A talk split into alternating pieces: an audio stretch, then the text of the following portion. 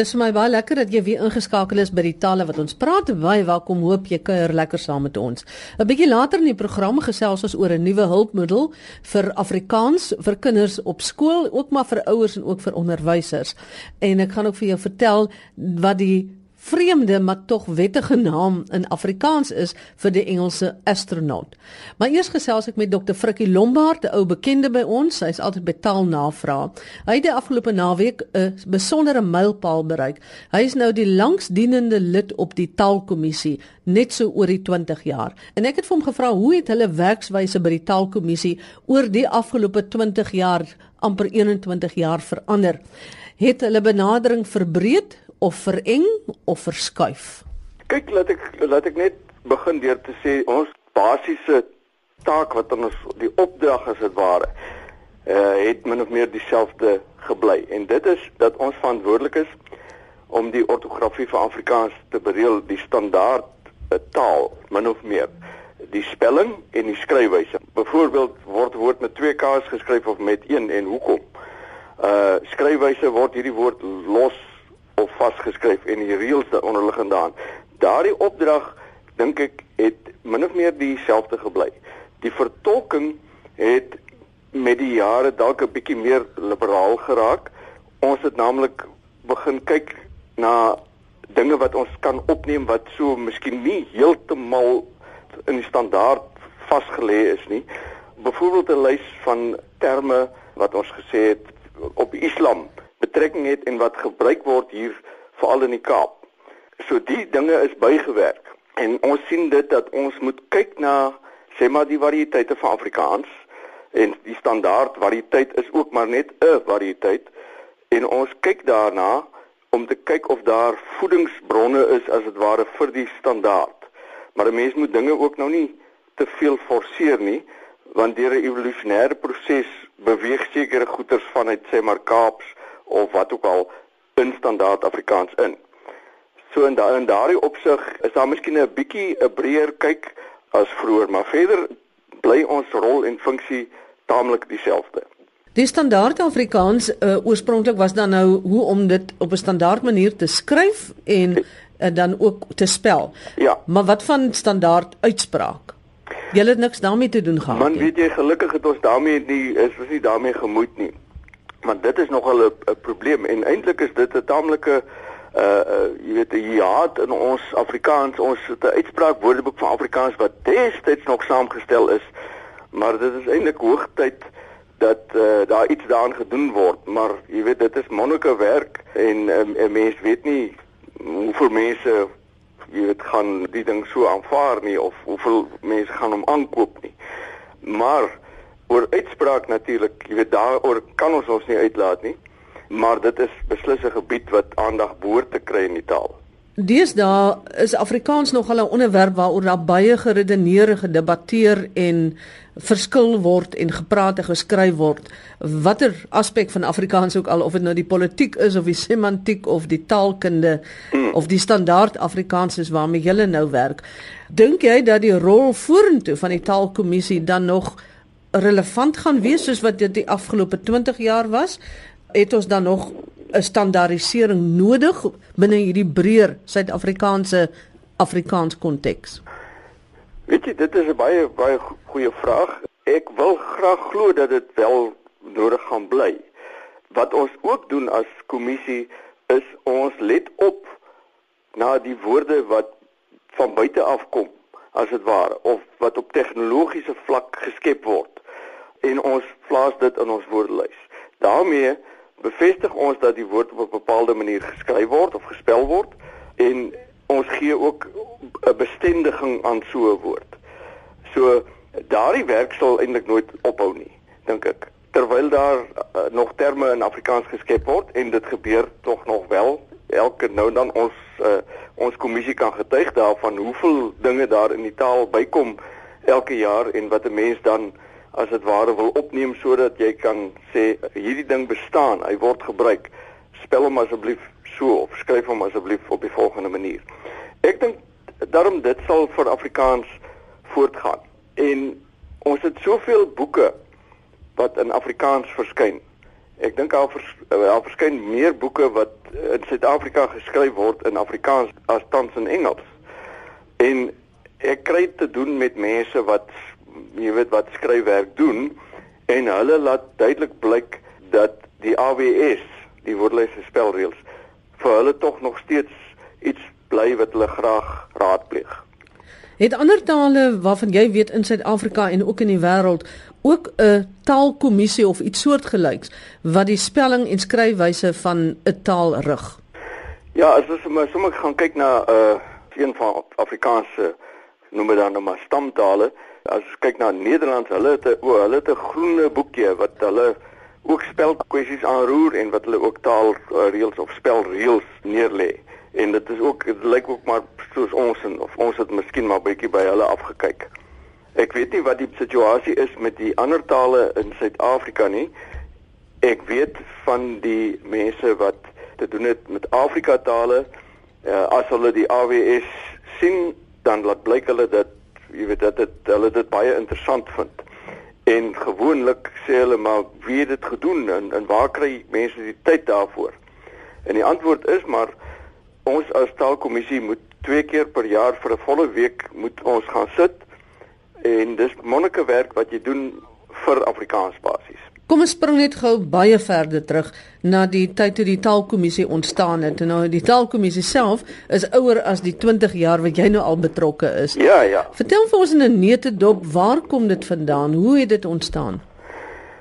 Kyk ek, ek as 'n mens nou die vroeëre geskiedenis loop eh, bestudeer en ek is nou nie 'n kenner daarvan nie, maar omtrent 100 jaar gelede uh, het die akademie reeds gesê maar daar moet gewerk word aan so 'n woordelys en spelreëls. En dit is toevallig ook nou hierdie maand vir die AWS herdenking want presies 100 jaar gelede het die akademie die eerste publikasie van so 'n werk goedgekeur. En die eerste uitgawe van die AWS het in 1917 die lig gesien. Dit is destyds saamgestel deur professore Thea Leroux, Dave Malherbe en J.J. Smith. Hy was ook die eerste hoofredakteur van die WAT terloops. In 2017 hoop ons as kommissie om eh, jy weet 'n eeufees weergawe die lig te laat sien. Eh, en dit sal ook nog 'n uitgawe wees wat bietjie bygewerk is onder andere deurdat ons vir die eerste keer ons bietjie uit gaan uitlaat oor leesteken gebruik. Oor die afgelope 20 jaar moes daar tog een of twee gevalle eh, gewees het of woorde gewees het waar dit vir jou teen die bors gestuit het, dwars in die krop gesteek het, wat 'n mens ook al wil sê, woorde se skryfwyse of spelling of iets wat jy moes aanvaar wat jy gedink het, uh uh, dit hoort nie so nie. Kyk as as 'n taalkommissie lid moet jy moet jy jou berus by meerderheidsbesluite en soms in die kommissie word daar tog wel hard uh, gestoei met mekaar om nou by by 'n behoorlike besluit uit te kom. Maar die een reël as ek nou my daar mag uitlaat is die een waar dit gaan oor uh, eienaamverbindings wat as eie name gebruik word. Soos sê maar die Bloemfontein Hospitaal en daar is 'n paar daar's vier maniere wat jy dit basies min of meer kan skryf. Ek sal daardie reël graag maar weer vereenvoudig wou sien en dat 'n mens dit eenvoudig soos 'n normale uh samestelling in Afrikaans hanteer en dat hy eintlik maar net vasgeskryf word of dan nou uh, indien dit moet met 'n koppelteken geskryf word. Die een reël wat ek nou graag sou sou wou verander. En die woord wat jy sal wil uithaal uit die woordlyse spelreëls of uit die taal uit as jy alleen die reg het om dit te kan doen by die kommissie? Man, weet jy, ek het nie ek ek is nie so vreeslik uh, bedag daarop dat ek woorde moet uithaal nie. Ek kyk maar eerder na wat bygevoeg kan word, maar die een woord wat ons as taalkommissie uh, lede deur uh, deur 'n hele paar jaar al taamlik vermaak het, is is die woord opoponax. Uh, en dit is niemand het geweet wat dit is nie. dit is 'n soort harpuis. Maar uh, ons dreig elke nou en dan om die ding uit te haal want hy is so onbekend, maar uh, dan bly hy maar staan want hy hy is so 'n bron wat ons laat lag. Bron van vreugde. bron van absolute ja. vreugde. En heidaglik? Wanneer gaan ja, julle hom aanvaar? Is jy, jy weet die mens eh, eh, ons probeer altyd sê en ek probeer dit altyd vir mense sê, maar hoekom wil julle heidaglik gebruik? Daar bestaan eintlik nie eers 'n woord soos heidig nie. ehm um, dat hulle maak of of, of huidigelik dan nou 'n afleiding is van huidig, maar daar is nie huidig nie. Ons praat van op die huidige tydstip, dit is reg, maar maar jy kan nie praat van dit is huidig nie. Ek sê gebruik tans, maar dit is dit lyk vir my na 'n uh, effens verlore stryd en op die oomblik vind hy nog nie sy weg in die woordelys nie. 'n Mens sou sê daar is seker ook nou nie te veel spelprobleme wat daar aan die woord is nie, maar 'n mens weet ook nooit. So as ek oor 20 jaar weer met jou gesels en ek vra vir jou gee vir my die een woord wat jy weer sal wil verander, dan sal dit dalk huidigelik wees. Dit sal dalk huidigelik wees. Dit was dan Dr. Frikkie Lombard. Hy is die langsdienende lid op die Taalkommissie. Jy luister na die tale wat ons praat hier op RSG. Ek is Magdalene Creer. Isabel Uys is bekend vir die handboeke en taalhandleidings wat sy skryf veral oor Afrikaans. En sy is bekend daarvoor dat sy die ingewikkelde taaldinge 'n bietjie meer toeganklik en makliker kan maak veral vir die jonger gebruikers van die taal. Pas uit haar pen het verskyn Afrikaans vir almal taalreëls, naslaanlyste en algemene kennis. Isabel, wat is die fokus van hierdie boek? Die doel van die boek is om soveel moontlik antwoorde te verskaf wat vereis word deur die nuwe KABV leerplanne. Nou wat is dit die KABV? Dit is die nuwe kurrikulums wat in 2012 ingestel is. Goed. Daar is deesdae nie meer lang lyste inligting of idiome of meervoude in die skoolboeke nie, maar dit word tog nog baie gevra. Die skoolhandboeke het inligting wat hier en daar deur die boek versprei is, maar ook baie min in die ou dae het ons mos lang lyste gehad wat ons moes geleer het. Ek het begin deur die nuwe leerplanne vanaf graad 3 tot graad 7 deur te werk en daarna al die grade se huistaal en addisionele taalhandboeke van verskillende uitgewers deurgewerk. Ek het deur pakke boeke gewerk. Ek het wel ook inligting uit handboeke vir graad 8 tot 12 ingewerk maar ek het eintlik gekonsentreer op die basiese taalreëls. Die inligting is sommige baie eenvoudig, soos die alfabet en getalle, maar daar is ook meer ingewikkelde dinge wat enige een kan gebruik, soos al die idiome en literêre terme. Nou is dit nog gemik op skoolkinders. Dit is gemik op almal. My my idee het eintlik begin omdat ek gevoel het gee vir die kinders die antwoorde wat hulle soek in die skoolboeke die grootste doel is vir die leerders. Maar die onderwysers, studente, ouers, almal wat hulle Afrikaans wil verbeter kan, sal dit nuttig vind. Nou as hulle mense sê maar daar is die taalbybel, die woordlys en spelreëls wat die kinders kan gebruik. Hoe pas hierdie boek dan nou in en en is dit aanvullend? Is dit makliker? Waar pas dit by die woordlys en spelreëls in? Magteleen die AWS is 'n volledige bron en dit is baie moeilik vir kleintjies om daarin iets te kry. So Afrikaans vir almal bevat net die uitgesoekte inligting wat in die nuwe leerplanne voorgeskryf word wat die leerders werklik nodig het. Die AW is 'n onmisbare bron vir elke huis, maar hierdie boek, boek sal ook sy plek vol staan addisioneel met daardie ene en ek kon nie ophou toe ek eers begin inligting insit nie. So daar is ook 'n hele klomp inligting wat vir die doodgewone mense en die ouer en die onderwyser en enige een nuttig is. Ek het byvoorbeeld nie net die idiome wat in die skoolboeke gevra is ingesit nie. Ek het baie ekstra ingesit. Maar jy moet iewers ophou, jy weet. Wat ek ook nou 'n uh, groot afdeling oor het, is die een woord in plaas van 'n omskrywing so soldai die loon wat soldate ontvang en ander inligting omdat dit ook baie vir die kinders gevra word. Dit is 'n deel van die uh, taal wat ek vind baie afgeskeep word en eintlik nie meer gebruik word nie want dit lyk my groot mense ook het nie meer uh, kennis daarvan nie. Daai wat noem jy uh, een woord vir Ja, die kinders het nie meer word nie meer ehm um, verantwoordelik gehou om lyste woorde te leer nie. Hulle tel dit maar so uit die begripstoetse op die woorde en so aan. En ek het gevoel gaan terug en gee vir die ma's iets wat die hulle die kinders kan sê hier is die goedes leer dit. Daar staan dit vir jou, jy gaan daarvan 'n eksamen kry. Nou dit ons praat oor een woord vir uh, hele klomp omskrywings.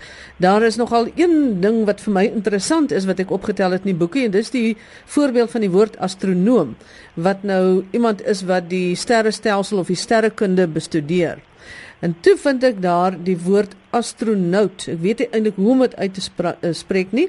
Dit is iemand wat 'n ruimtevaart dan onderneem. Nou ek ken dit as 'n ruimtevader. Waar kom iets soos astronaut as dit nou die korrekte uitspraak is vandaan? Ek het nog nooit daarvan gehoor nie. Ek dink ook is astronaut. Ek moes ook maar mooi dink. Ehm um, ons ken almal vir ruimtevader, is baie mooier en bekender woord. Maar ek voel as 'n woord in bekende woordeboeke soos Farao se woordeboeke en in die hart opgeneem is, dan moet dit ook as korrek aanvaar word. Die boek is alfabeties en daarom staan astronaut voor ruimtevader. Dis al hoekom. Ek voel as 'n Engelse leerder byvoorbeeld astronaut vertaal na astronaut toe, dan moet dit korrek erken word, jy weet. In die hart wat vir my nog erger is, word ruimtevlieër as 'n sinoniem aangegee. En dit laat my dink aan 'n vlieër aan 'n lang tou in die ruimte. Dit dit is vir my 'n vreeslike woord. Hierdie astronaut is net vir my, dit is so 'n direkte vertaling van ja. astronaut. Die, die ek net gou vir luisteraars sê hoe hulle dit spel in Afrikaans ja. is A S T R O N O U T.